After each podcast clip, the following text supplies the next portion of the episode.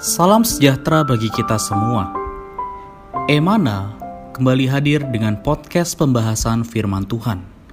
Semoga firman Tuhan yang murni mampu merawat batin kita, menguatkan roh kita, dan membangun iman kita di hadapannya. Silakan menikmati podcast Emana hari ini. Salam sejahtera, saudari. Syukur pada Tuhan kita boleh sampai kepada hari yang terakhir ya di bulan Juli ini 31 Juli. Uh, Puji Tuhan kita akan sama-sama kembali membahas firman ya. Saya Renat didampingi dengan Hansen. Uh, saudari jadi kita akan membahas dalam uh, Roma ya pasal 9 ayat 1 sampai 18 pembacaan kitab kita. Uh, ayat yang diambil adalah Roma pasal 9 ayat 14 ya Dikatakan, jika demikian, apakah yang hendak kita katakan, apakah Allah tidak adil? Mustahil. Baik, nah, saudari kita boleh tanya kepada Sansen. Sansen, apakah ada yang mungkin bisa disampaikan? Uh, mungkin kita juga bisa tarik judul di sini adalah, apakah Allah tidak adil? Amin, sudah Hansen silahkan. Uh, mungkin jika sudah dirasa cukup juga uh, boleh langsung diakhiri dengan doa. Puji Tuhan. Salam damai sejahtera bagi kita semua. Kita kembali memasuki kitab Roma pasal 9. Kita bersyukur kepada Tuhan bahwa melalui kitab Roma pasal 9 kita melihat adanya pemilihan Allah.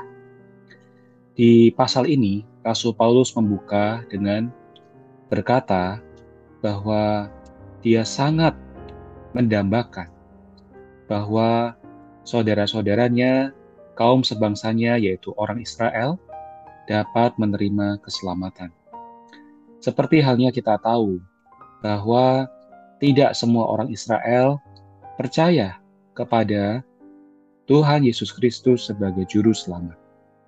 Karena itulah Paulus sangat berduka cita dan selalu bersedih hati di dalam ayat yang kedua dia mendambakan bahwa Injil juga diterima oleh orang Israel. Tetapi di sini kita bisa melihat bahwa tidak semua orang Israel mendapatkan keselamatan.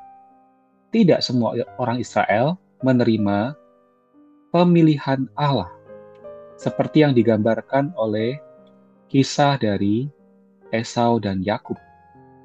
Pasal 9 ayat 13 berkata, seperti ada tertulis, aku mengasihi Yakub tetapi membenci Esau.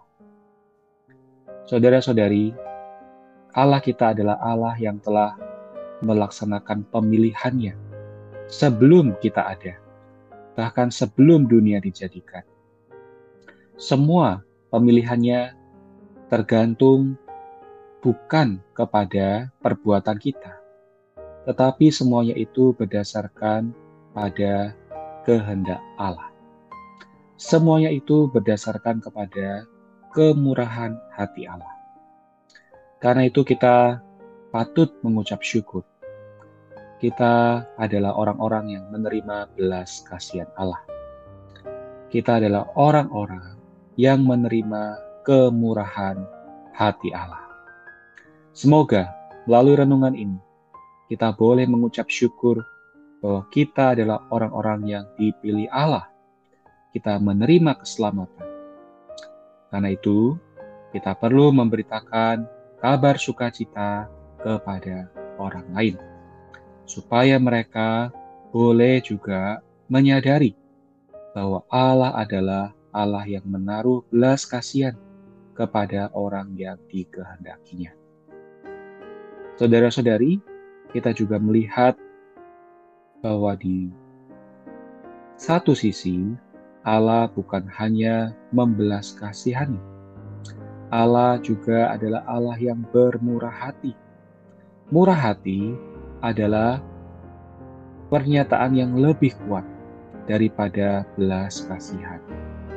Siapakah kita sehingga Allah memilih kita?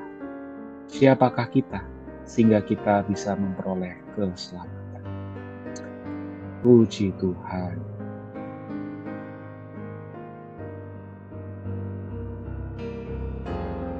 Baik, kita akan menyimpulkan persekutuan pada kesempatan ini bahwa sekali lagi kita mengucap syukur bahwa Allah kita adalah Allah yang memilih kita. Allah yang di dalam rancangan sebermula telah menandai orang-orang pilihannya. Karena itu, kita patut mengucap syukur.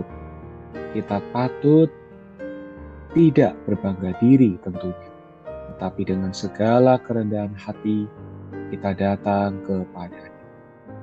Mari kita berdoa. Terima kasih Tuhan atas pemilihanmu kepada kami. Ada yang engkau pilih, tetapi ada juga yang tidak engkau pilih. Tuhan semuanya itu berdasarkan pada panggilanmu, bukan berdasarkan perbuatan kami. Tuhan kami juga percaya bahwa Engkau yang sanggup memelihara kami sampai pada hari. Biarlah oleh karena belas kasih dan kemurahan-Mu, kami memberikan seluruh diri kami kepada Tuhan, mempersembahkan hidup kami sepenuhnya untuk berkenan hidup kepadamu. Terima kasih Tuhan, dalam namamu kami berdoa. Amin.